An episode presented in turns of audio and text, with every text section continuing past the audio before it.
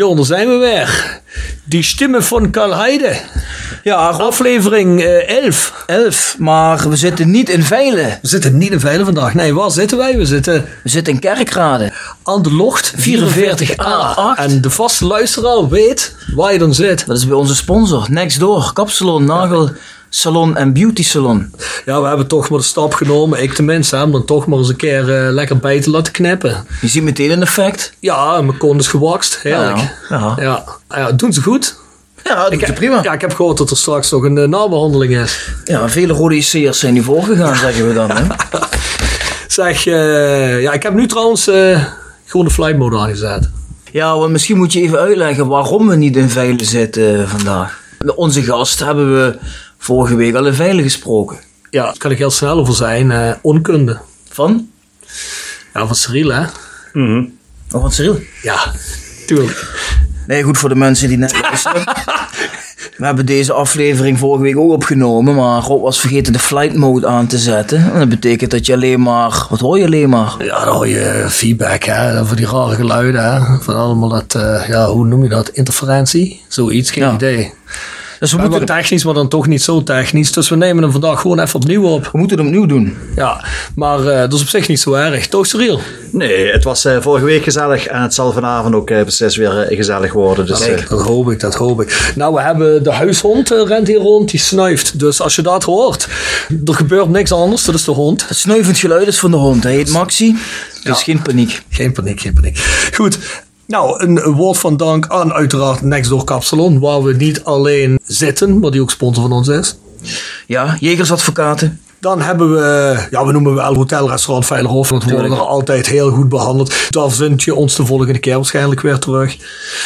Dan hebben we GSR Music. voor de hardere muziek www.gsrmusic.com. En zoals altijd wordt de podcast gepresenteerd door South 16. Juist. Jullie kunnen uiteraard ook weer vragen en opmerkingen sturen naar de voiceofcalais.south16.com. Dat is ook veelvuldig over de laatste weken gebeurd. En er wordt in ieder geval veelvuldig gereageerd op tweets, eh, gereageerd op Instagram, eh, op Facebook. Daar zijn we eigenlijk heel tevreden mee. Ja, maar wel, wel een oproep aan mensen. eh, retweet en deel de podcast. Des te groter wordt het bereik. Er wordt al heel veel naar geluisterd. We krijgen al heel veel reacties. Maar het is natuurlijk ook voor ons leuker als het groter wordt en meer mensen gaan reageren. Nou, zeker ook voor gewoon het hele fangebeuren uiteraard. Nou ja, goed, zoals gezegd. We proberen er tot een eh, lengte van dagen mee door te gaan. Ja, Rob, dat, eh, dat brengt mij overigens bij het volgende. Over dat delen. Dan moeten we even kritisch kijken naar Cyril. Want die heb ik gevraagd of hij nog een aantal afleveringen van The Voice of Calais moest delen. Toen zei hij gisteren, ja, dat doe ik straks. Dat is weer niet gebeurd. Cyril Engels. ja, eh, my bad. Eh, drukke dagen. Ehm, eh, dus dat ga ik alsnog vanavond doen voor jullie. als supporters liaison officier toch... eh, Vind ik heel slecht. Ja. Ik heb zelfs nog overwogen om deze avond te cancelen. Om deze gast eruit te gooien. Maar ja, goed, we moesten hem toch opnemen, hè, Rob. nou, dan hadden we met z'n tweeën hier tenminste iets kunnen drinken. Ja, ja. Ik maak het eh, goed met jullie. Kijk, staat genoteerd. Dat klinkt goed. Volgend jaar MVV Roda is geregeld. Ja. Ja, mooi. Ja, mensen, wel even een woord van dank. Wil ik toch uitspreken, niet alleen aan onze sponsoren, maar ook aan onze vaste luisteraars. En vooral aan de veelvullige streams die er zijn. We hebben het net over gehad, over delen en dergelijke. We zijn al heel dankbaar voor wat er gebeurt. Eh, we zijn nu twee maanden onderweg. Ja, ik moet toch wel zeggen, ik ben heel erg tevreden over met hoe het loopt. We krijgen heel goede respons. We krijgen veel respons. Eh, er zitten natuurlijk ook wat zeer kritische noten tussen, maar het zou niet goed zijn als dat niet zo is. En ik denk voor de twee maanden of de negen weken dat we onderweg zijn, ja, gaat het heel erg goed. Het wordt goed aangenomen. En de gasten zijn ook altijd enthousiast om te komen, dus even een woord van dank aan iedereen. Ja, top. Nou, dan zullen we eens gaan beginnen met onze supporters liaison officier. Yes. Ze zegt het goed, het is de supporters liaison officier. Supporter liaison officer. Ja. Liaison officer. De SLO. Wat is een SLO, Cyril? Kort en krachtig, de SLO is de moderne versie van de supporterscoördinator. we kennen allemaal Henk Bakker. Eh good old Henk Bakker van de supportersvereniging. Wat hij jaren heeft gedaan en nog steeds in, eh, in minder mate ook doet. Eh, doe ik nou ook, alleen ik doe het namens de club. En Henk deed het altijd namens zijn, eh, zijn vereniging. Hm. Kun je wat, eh, wat, wat voorbeelden noemen uit de praktijk? Wat moeten we ons daarbij voorstellen? Wat, wat doe je nou feitelijk echt aan werkzaamheden? Eén onderdeel is uh, wedstrijdorganisatie. Nu vrijdag staat de wedstrijd tegen Eindhoven op de, op de agenda. Dus dan onderhoud je contacten met de ontvangende club, met Eindhoven dus, met mijn collega ASLO. hoe de catering daar geregeld is. Ja, daar komen bijna 400 dorstige rode fans gaan vrijdag mee.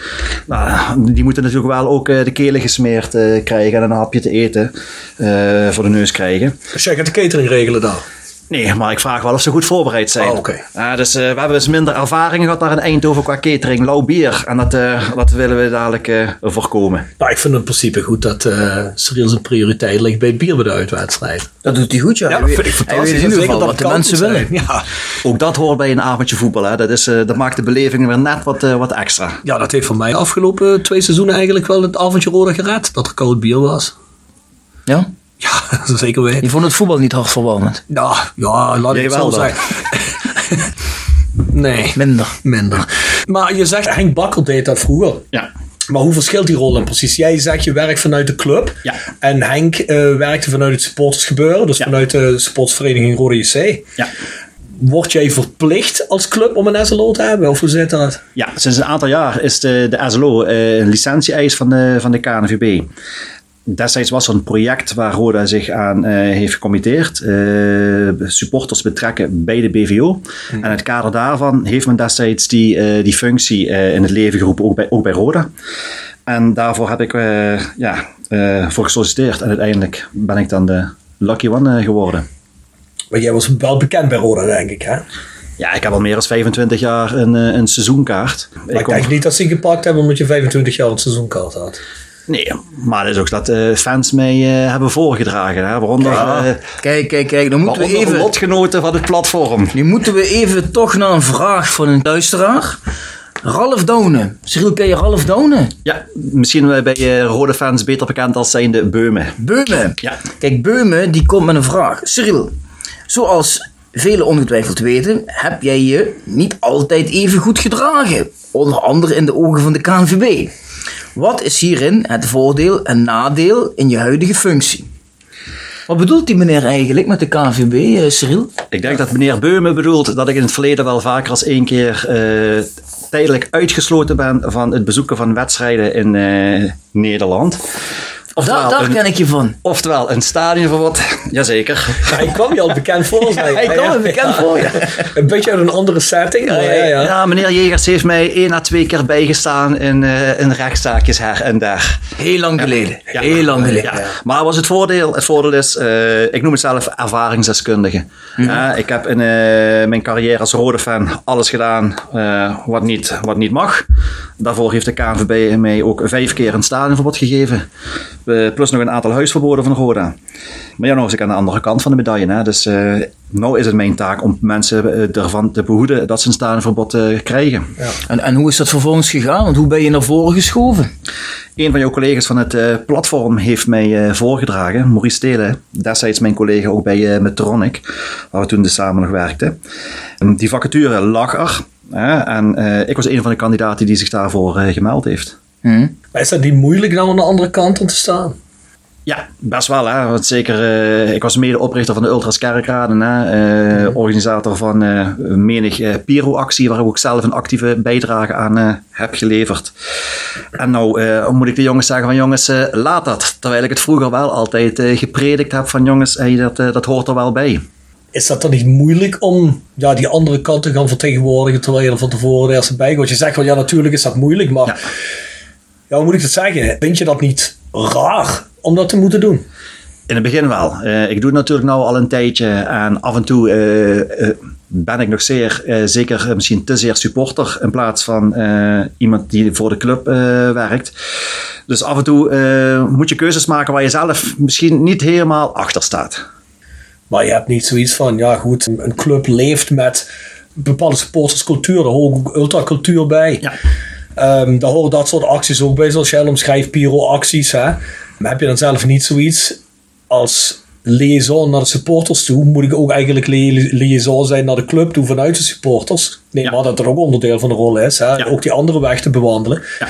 Praat je bijvoorbeeld pro-supporters bij zo'n club en zegt van, ah jongens, eh, laten we eens kijken hoe we dat beter kunnen regelen, dat die jongens toch iets kunnen doen daarin. Ja, nou, kijk inderdaad, eh, als uh, SLO ben je bruggenbouwer tussen club en fans, maar ook inderdaad de andere kant op.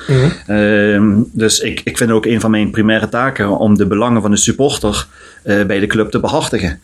dus niet alleen de belangen van de club behartigen richting fans, maar dat werkt twee kanten op. Dat ben ik volledig met je eens. Hè? En dat is wel af en toe, ja, het zijn niet altijd makkelijke tijden geweest. Nog steeds niet. Uh, dus wat dat betreft hebben we wel nog een lange, lange weg te gaan. Maar ik zie wel dat we stappen vooruit maken. Ja, ja want ik vind dat bij Roda soms... Ik weet niet hoe dit seizoen zit, maar ik vond dat vorig seizoen soms toch wel vrij moeilijk is bij Roda als het op dat soort zaken aankomt. We hebben het bijvoorbeeld al gehad over... Uh, toen we met Robert Klaassen die podcast hebben gehad, is ook weer de derby ter sprake gekomen. En ook dat bijvoorbeeld bij MVV altijd meer mag als bij Roda.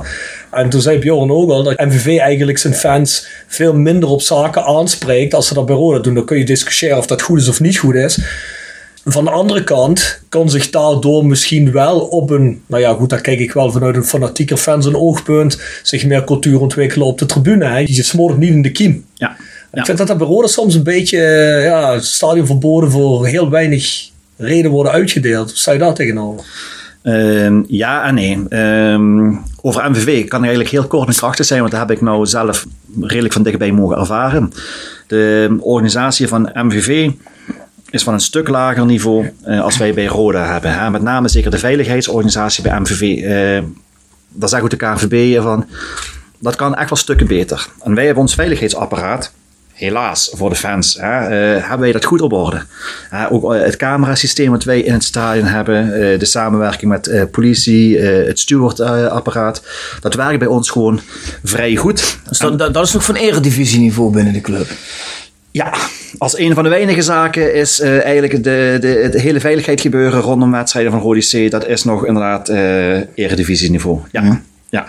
En bij MVV uh, is die organisatie is gewoon echt uh, stukken kleiner als je dan bij, bij Roda ver, uh, vergelijkt. En daardoor hebben daar de, kans, de fans uh, meer kans om ja, zich misschien op een bepaalde manier te ontwikkelen. Wat wij inderdaad kunnen zeggen van jongens, tot hier en niet verder. Mm. En of dat goed is of niet, dat laat ik even in het midden. De KNVB kan onze aanpak wel waarderen hoe wij te werk gaan. Daar krijg je ook af en toe de credits voor, ook vanuit het veiligheidsoverleg. Ehm, hoe ze daar in Maastricht over denken. Nou, dat laten we ook maar even in het midden. Maar we hebben gewoon ons veiligheidsapparaat hebben wij, uh, goed op orde. Wil ik wel overigens meteen even benadrukken dat ik zelf uh, weinig tot niks met veiligheid van doen heb. Uh, van, ik ben er voor de supporters en ik vind de scheidslijn is af en toe wel erg dun. Maar veiligheid is niet mijn pakje aan. Ja. ja, want ik was bij de uitwedstrijd tegen Volendam dit seizoen. Mm -hmm. En op een gegeven moment, laat in de tweede helft, ontstond er wat ophef wat supporters verroden die naar beneden renden richting de Lexaanwand. En daar ja, tegenaan schopte, probeerden uit te breken richting wat Volendam-fans. En ik bekeek dat vanaf de tribune. Op een gegeven moment zag ik jou ertussen springen en die mensen wegduwen. Ja. Toen dacht ik van, hé, hey, ja, dat is op zich niet de Cyril die ik ken van uh, vijf, zes, zeven jaar geleden, zeg maar. Ik, uh, ik weet als geen ander hoe kut het is om een stadionverbod te hebben. Hè? En dat je dan uh, via L1, uh, destijds was nog dat je radio moest luisteren, had je niet altijd live uitzendingen. Dat je dan een, een wedstrijd van jouw favoriete club moet, moet volgen. Dus als ik een ander ervan kan behoeden een stadionverbod op te lopen, dan zal ik dat zeker doen. Maar krijg je dat dan, zeg maar, die rol van de club, moet je dat op dat moment doen? Wordt er van jou verwacht? Of nee. had je daar ook kunnen zeggen, ja, ik... ik... ik... kan afzijdig blijven, maar ik, ik denk dat fans het meer kunnen waarderen als ik iemand aan de kant duw dan dat een steward het doet. Mm -hmm. Dus dat is gewoon een rol die ik op mezelf, uh, daar, daar heb ik zelf voor gekozen. Dat wordt me niet, uh, niet opgedwongen. Maar heb je ook fans die bijvoorbeeld zeggen, hey Cyril, wat doe jij nou? Vroeger uh, deed je mee bewijzen van spreken met ons. En nu... Dat hoor ik nog steeds regelmatig. Ja, dat is ook inderdaad wel, wel, wel heel lastig. Ja. Dus, voor uh, zowel mezelf uh, als de mensen omheen waarmee, uh, met wie ik altijd voetbal ging kijken. Ja. Hoe, hoe, moeten we dat zien dan? Sta je dan ook echt anders in? Als in van verstand komt met de jaren? Of als je nou niet SLO was geweest, had je misschien nog steeds aan de andere kant meegedaan? Dan denk ik dat ik wel nog elke wedstrijd fanatiek op de tribune hè, mee stond te schreeuwen en te springen. Dat, uh, dat zeker. Dat, dat zit eenmaal in je. Dat gaat ook niet meer zo snel uh, uit het systeem. Um, en ik vind nog steeds, fans mogen best de, de grens opzoeken. Ja, uh, maar als je er overheen gaat, dan moet je ook de, de gevolgen kunnen accepteren. Mm. En dat is natuurlijk een spelletje wat inderdaad fans met eh, stewards, politie, KNVB eh, spelen. En ja, you win some, you lose some. Ja, ja zo, dat is zeker zo. Dat is ja. zeker zo, ja. Zeg, je was een bekende van de KNVB. Nou, is dit een KNVB-eis om een SLO te hebben? Toen jouw naam daar werd aangedragen, wat vonden ze er een zijs van? Keken ze de computer en zeiden ze van, oh wacht even, die hebben we gevonden de database, maar... eh, Ze hoefden nog niet eens in de computer te, te kijken. Bij mijn naam ging al meteen bij sommige mensen de, eh, de wenkbrauwen een beetje fronsen. Ja, dus ja, zoals gezegd, ik heb vijf keer een stadionverbod gehad. Dus eh, mijn naam was, was al bekend, slash berucht bij de, bij de KNVB. Dus die hadden wel zeker hun twijfels toen Rode JC mijn naam doorgaf als zijn SLO Rode JC. maar het werd wel gewoon geaccepteerd. Nou, eigenlijk he- heel strikt genomen heeft de KNVB ehm, heeft niet de macht om tegen Rode te zeggen van hey, die persoon willen we Nee. niet. Maar ik heb natuurlijk wel de schijn tegen me gehad. Dus ik heb best wel wat moeite moeten doen om mensen te overtuigen van mijn eh, goede bedoelingen. Oké, nou, dat is toch wel aardig geluk, denk ik dan. Ik, eh, ik moet zeggen, zeker vanuit de veiligheidsoverleg. Daar zitten bij de gemeente Kerkrade, politie, brandweer, openbaar ministerie. Eh, daar krijg ik toch wel regelmatig eh, complimenten voor mijn, eh, mijn bijdrage. En ook de, de KNVB heeft inmiddels de mening over mij wel eh, behoorlijk bijgesteld. Kijk, netjes. Hey, nou, ook even wat serieuzere zaken, Cyril, want ehm, dan wil ik het even hebben over je contract. Hoeveel uur in de week ben je eigenlijk met het SLO-schap bezig? Een, een groot verschil tussen hetgeen wat op het contract staat en de praktijk. Eh, ik heb destijds ben ik begonnen met een vrijwilligerscontract. Eh, Het eerste jaar moest ik me gewoon bewijzen, ook bij Rodan. Eh, het jaar daarop heb ik, eh het was nog onder leiding van Wim Collard, heb ik mijn eerste contract verdiend. En dat ging om acht betaalde uren per week. Eh, maar in de praktijk, we hebben ook een groepsapp met andere SLO's van heel Nederland. En SLO ben je bijna 24 keer 7. Je krijgt de hele dag door krijg je appjes, vragen, eh, social media. Eh, je, je staat ermee op en, eh, en je gaat ermee bed, mee naar bed. Dus in de praktijk, wat ben je ermee bezig?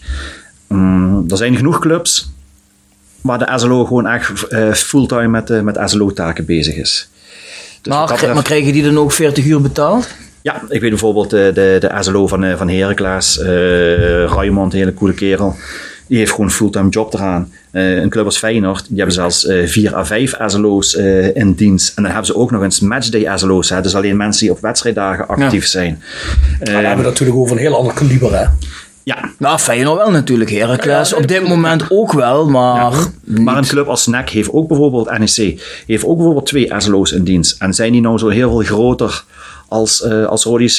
Nee, dat denk ik niet. Maar die zijn ook eh, voor 40 uur in dienst. Eh, volgens mij samen hebben ze allebei iets van 32 of 36 uur. Maar in ieder geval veel meer uren als eh, wat ik op papier heb. En heb jij op dit moment nog altijd die 8 uur? Ja, ik heb eh, nou eh, voor het derde jaar eh, op rij heb ik mijn eh, acht uurtjes, eh, acht betaalde uren per week. Ja, ja. Ja, dan neem ik aan dat Mauricio de la Vega binnen is gekomen en heeft gezegd: Supporters Liaison Officer. Nou, fantastisch. Jou bieden we 40 uur contract dan. Dikke neus, dus niet. Nou, dat is wel, een- dat, dat- daarom wil ik dat punt ook even aanhalen. Want ik weet wel nog dat wij met het platform een gesprek hadden met Mauricio Garcia de la Vega en Pieter Nieuwenhuis. En toen hebben wij wel een warme aanbeveling gedaan eh, over Cyril. Toen zei Mauricio Garcia de la Vega ook in dat gesprek van ja goed, die jongen ken ik en daar zijn we tevreden over, dus dat komt wel goed. Dus de vraag is, is het goed gekomen?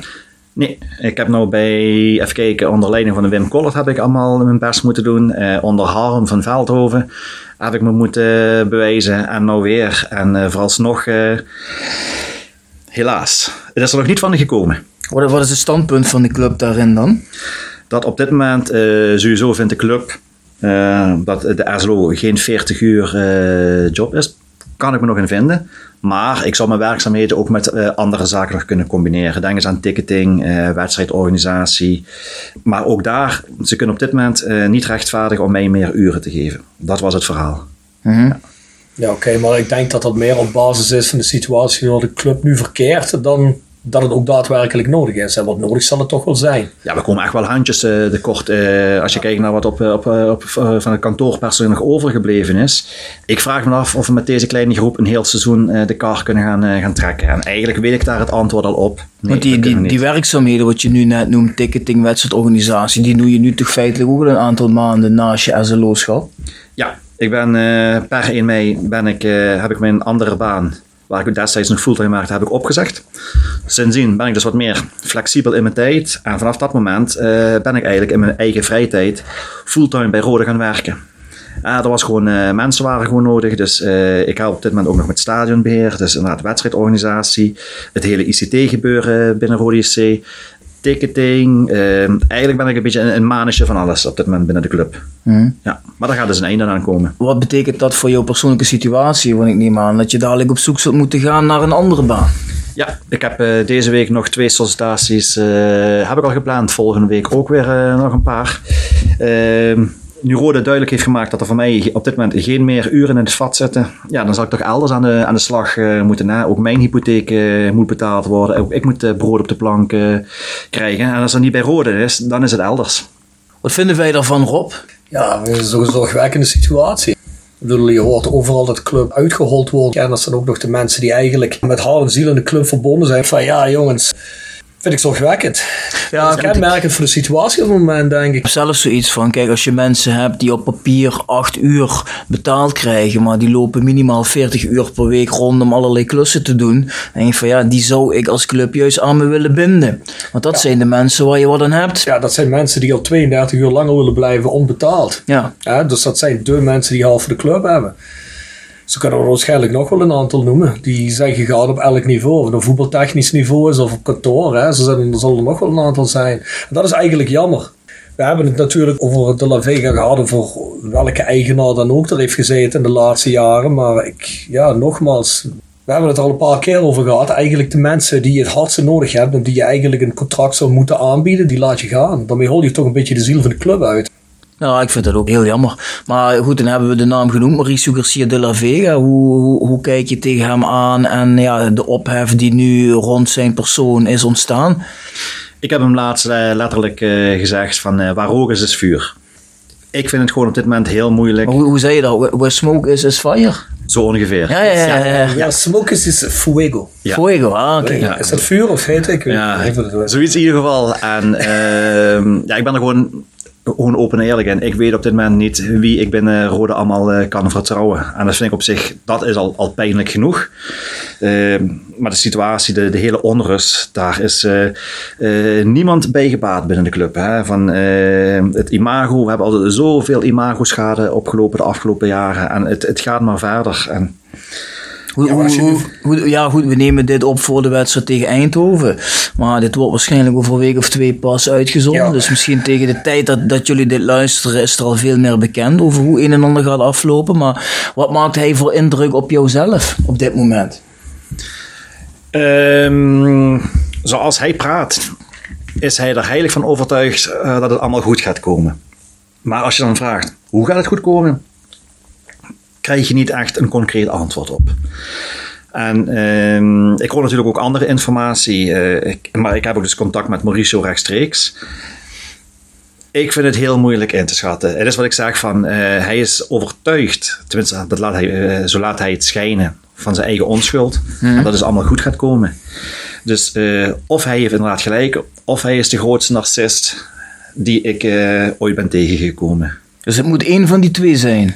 Ja, een tussenweg is er voor mij, eh, geloof ik niet in. Nee. Hm. nee. Ja, maar dat is ook vreemd. Ik bedoel, als je gewoon een bankgarantie kunt overleggen of gewoon geld kunt storten op, een, eh, op die rekening en het is hele gerucht uit de wereld.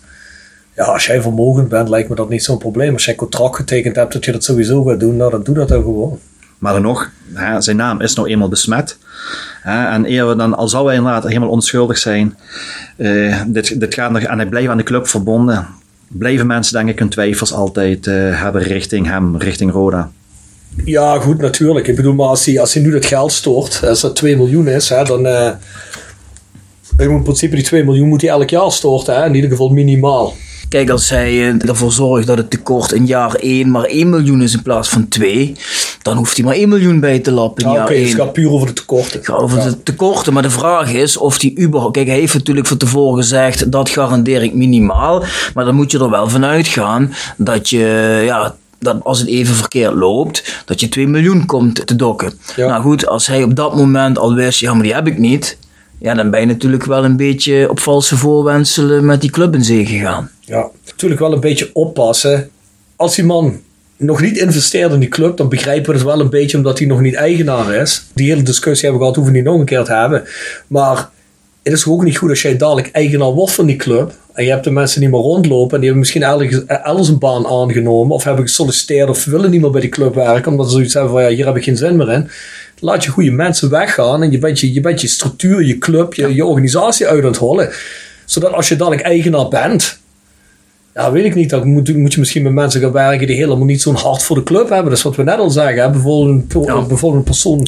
Ja. Cyril en ook nog wat andere mensen. Dus ik vind dat heel moeilijk. Dat, Ik vind dat toch een stuk mismanagement nu al. Ja, dat werkt een beetje twee kanten op. Kijk, ik vind in het verleden hebben we mensen gehad die het geld met bakken de deur uitsmeten. En dat wilden we allemaal ook niet. Vervolgens komt Garcia de la Vega. Nou, wat ik daar een beetje van hoor, Cyril weet er wel meer van. Maar die probeert echt de mensen tot de laatste cent uit te persen.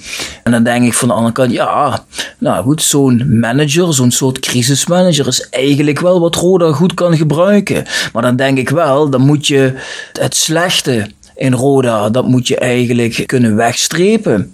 Maar het goede Roda zou die dan moeten belonen. En dan zou die mensen als Cyril zou je dan moeten denken van oké, die geef ik contract, want die kan ik goed gebruiken. En dat je dan van de minder goede afscheid neemt. Maar nu lijkt het er alleen maar op van ja, dat die maar probeert te bezuinigen waar te bezuinigen valt. Precies. En dan ga ik ook denken van ja, dan zal het wel eens zo kunnen zijn dat hij het geld gewoon ook niet heeft om die contracten te betalen. Precies, en daar wil ik dus ook heen. Hè? Dat is wat ik dus niet begrijp.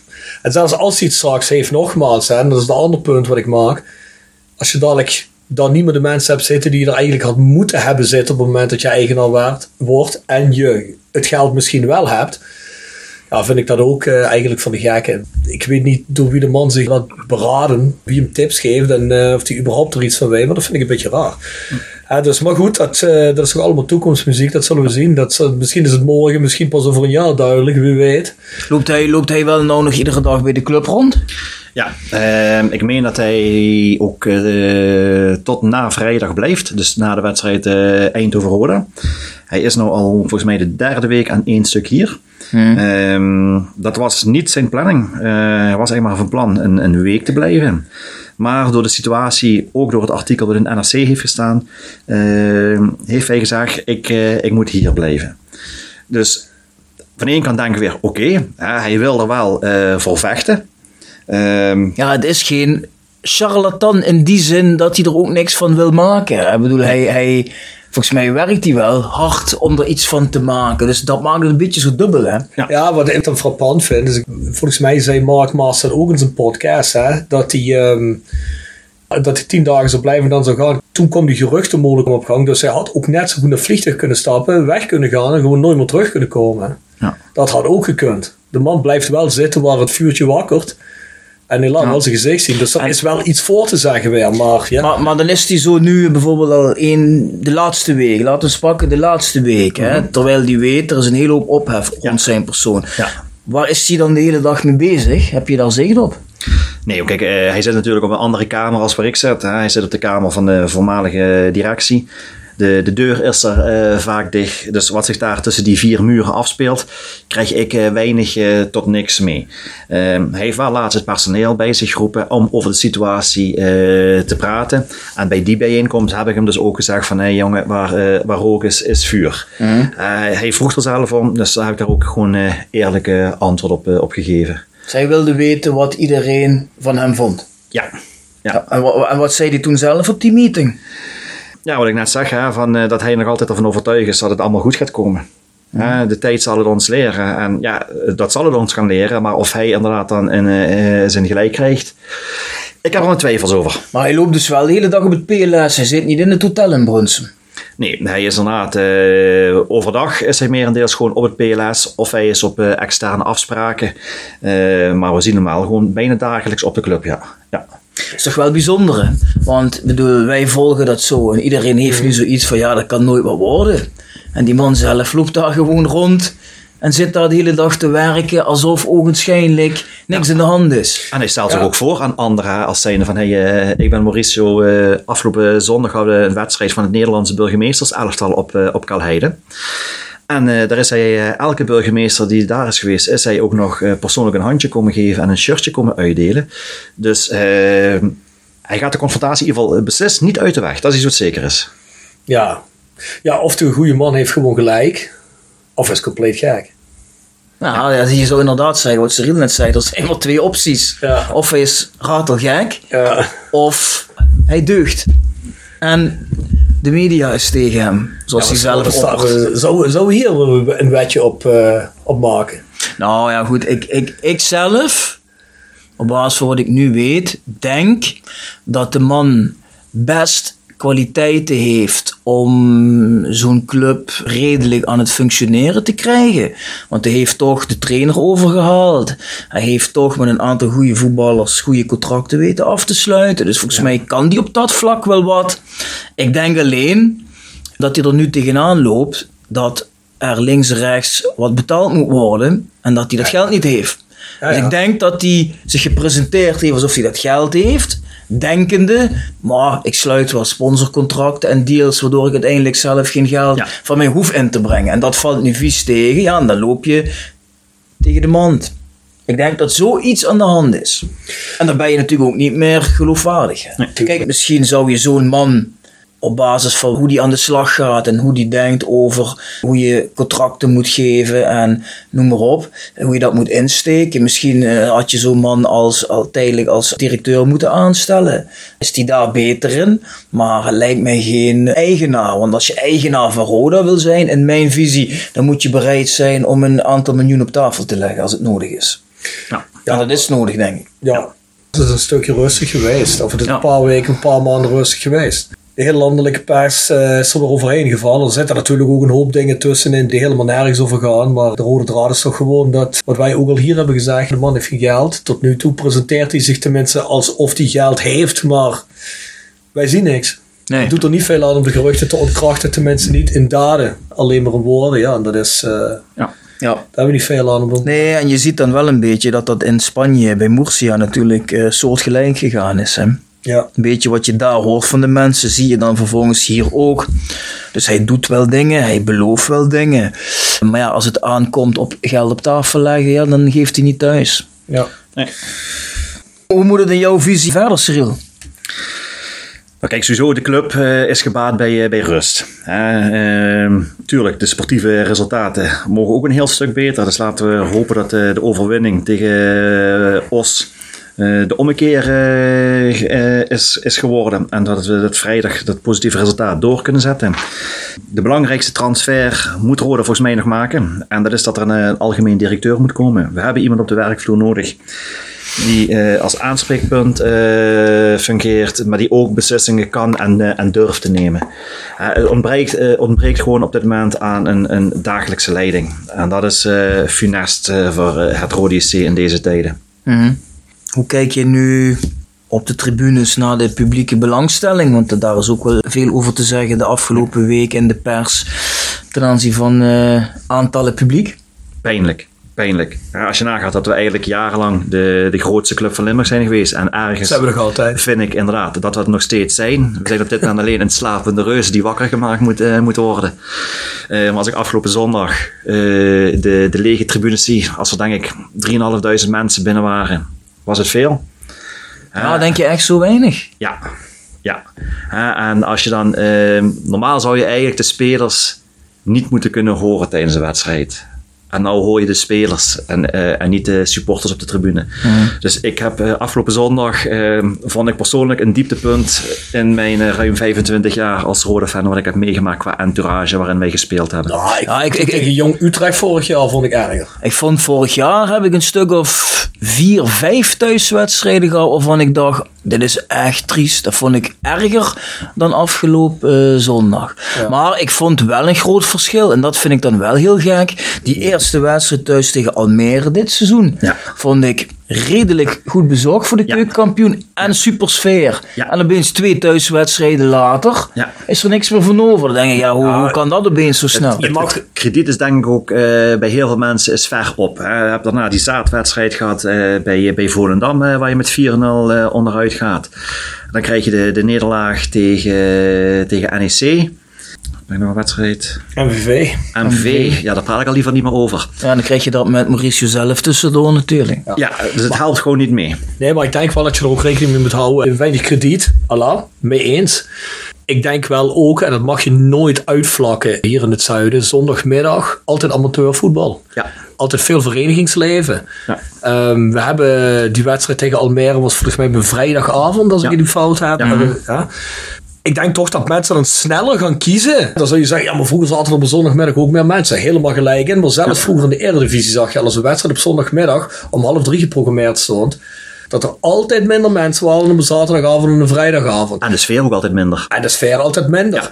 Plus, ik vind sowieso een zondag altijd gezapiger. Zo in het algemeen Ja. al. Ja. Avondwedstrijd is veel sfeervoller. Ja. Denk dat nu nog meer mensen, doordat wat Cyril zegt, dat krediet natuurlijk weggeëpt is over al die jaren, nu nog meer mensen die van tevoren zeiden, nou ja goed, weet je wel, dan ga ik vanmiddag maar niet voetballen.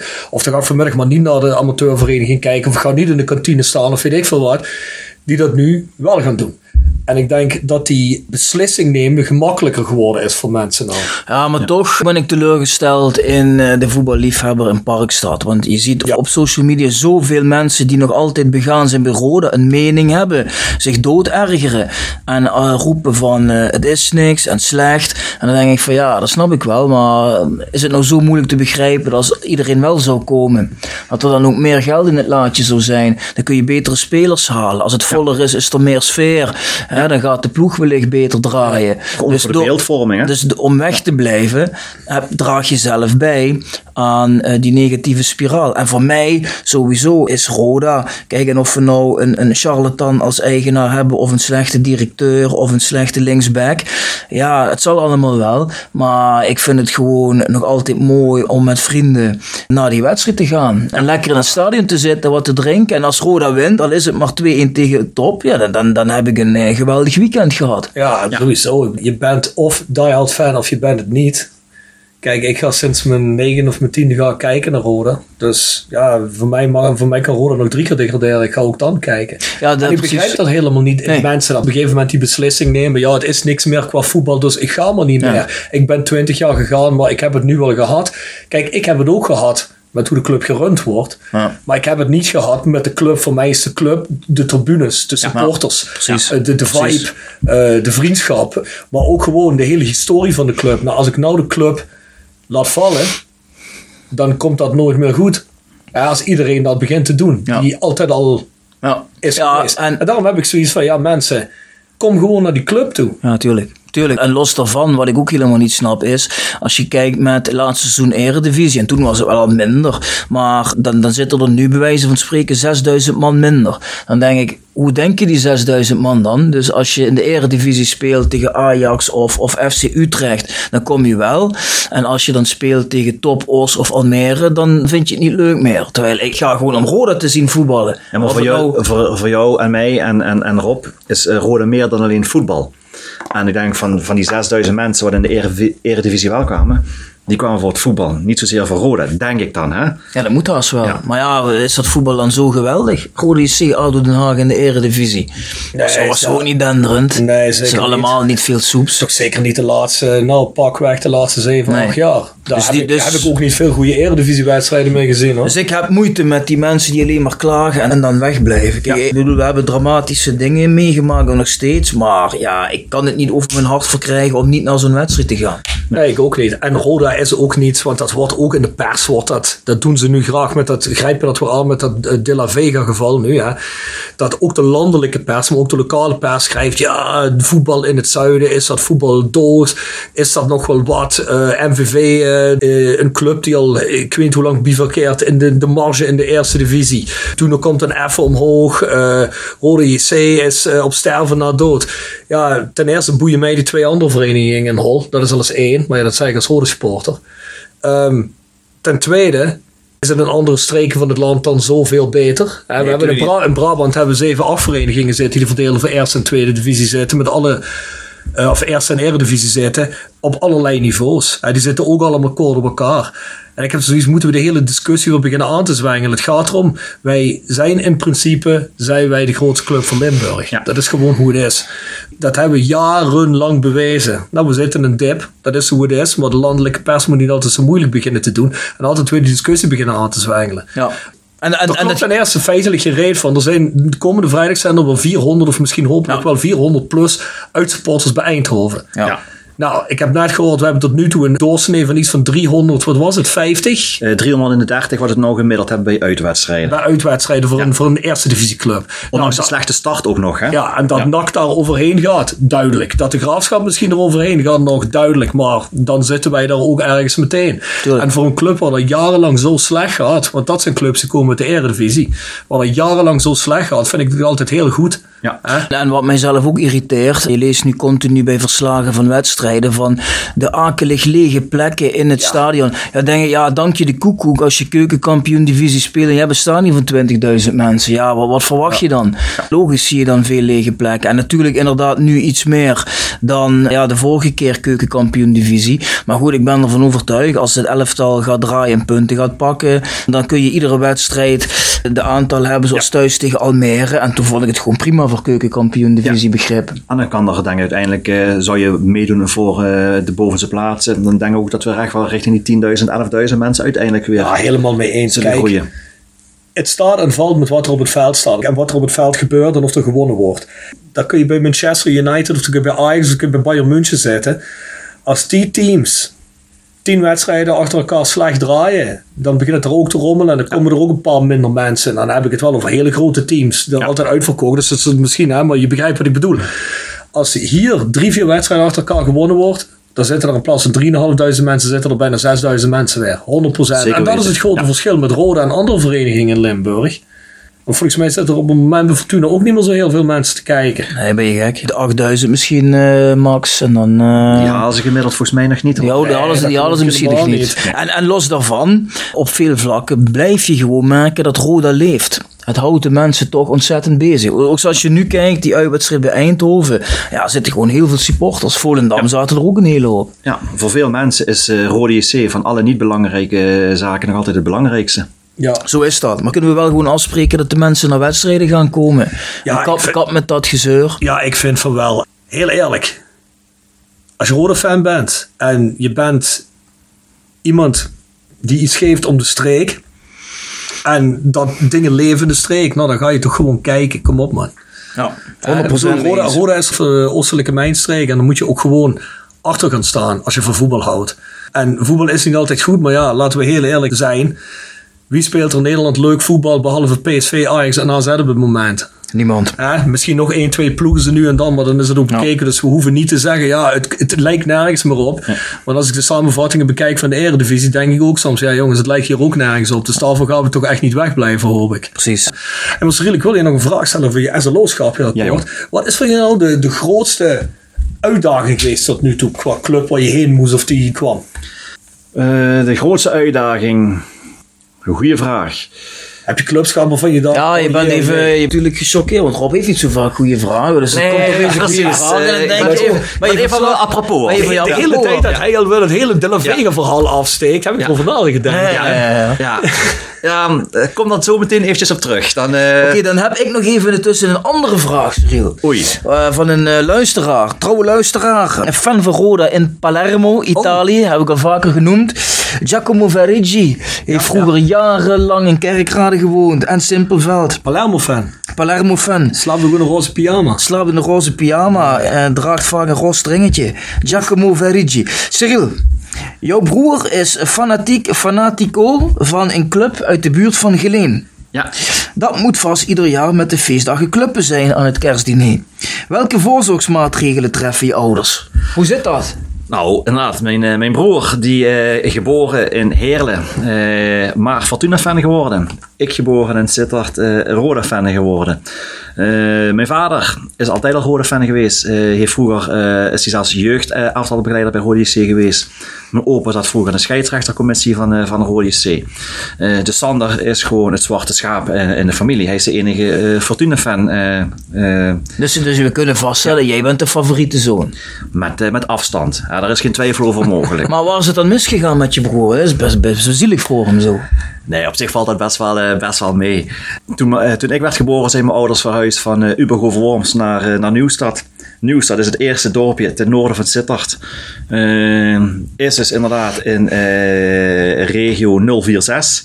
Eh, daarom ook mijn eerste spandoek, wat nog steeds in het stadion hangt. hè, 046 Maniacs. Dat was mijn eh, eerste spandoekje dat ik ooit heb laten maken voor Roda. Hangt al bijna 20 jaar.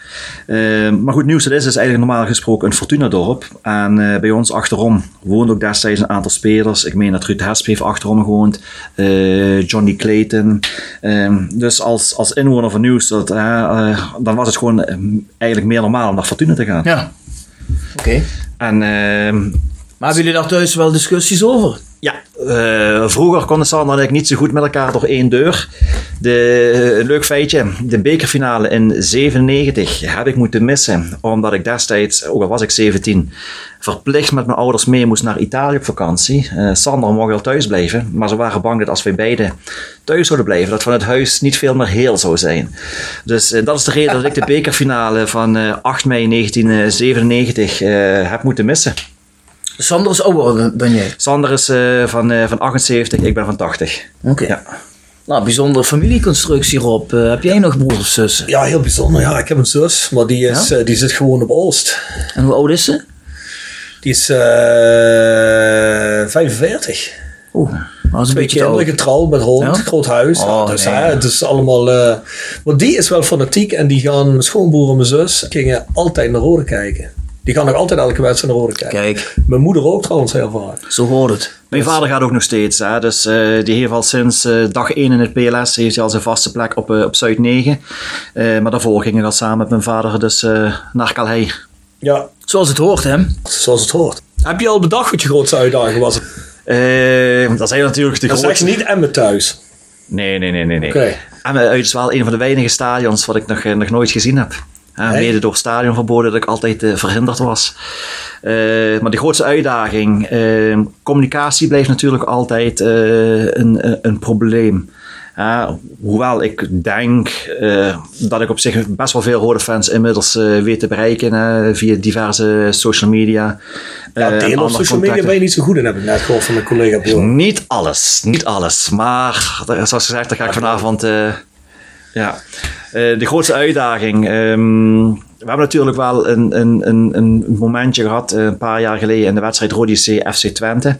Ik had voor de Westtribune een, eh, een heel groot spandoek besteld.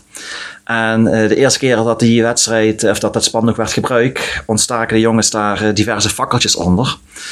En dat was natuurlijk wel een, een paniekmomentje. Ook omdat ik natuurlijk bang was dat veel mensen naar mij gingen wijzen, omdat ik dat doek besteld had wat daarvoor. Dat jij dat gepland had. Ja. Dus dat heeft Dan zei je destijds. dat zou, dat zou Cyril nooit doen, zo kennen we hem niet.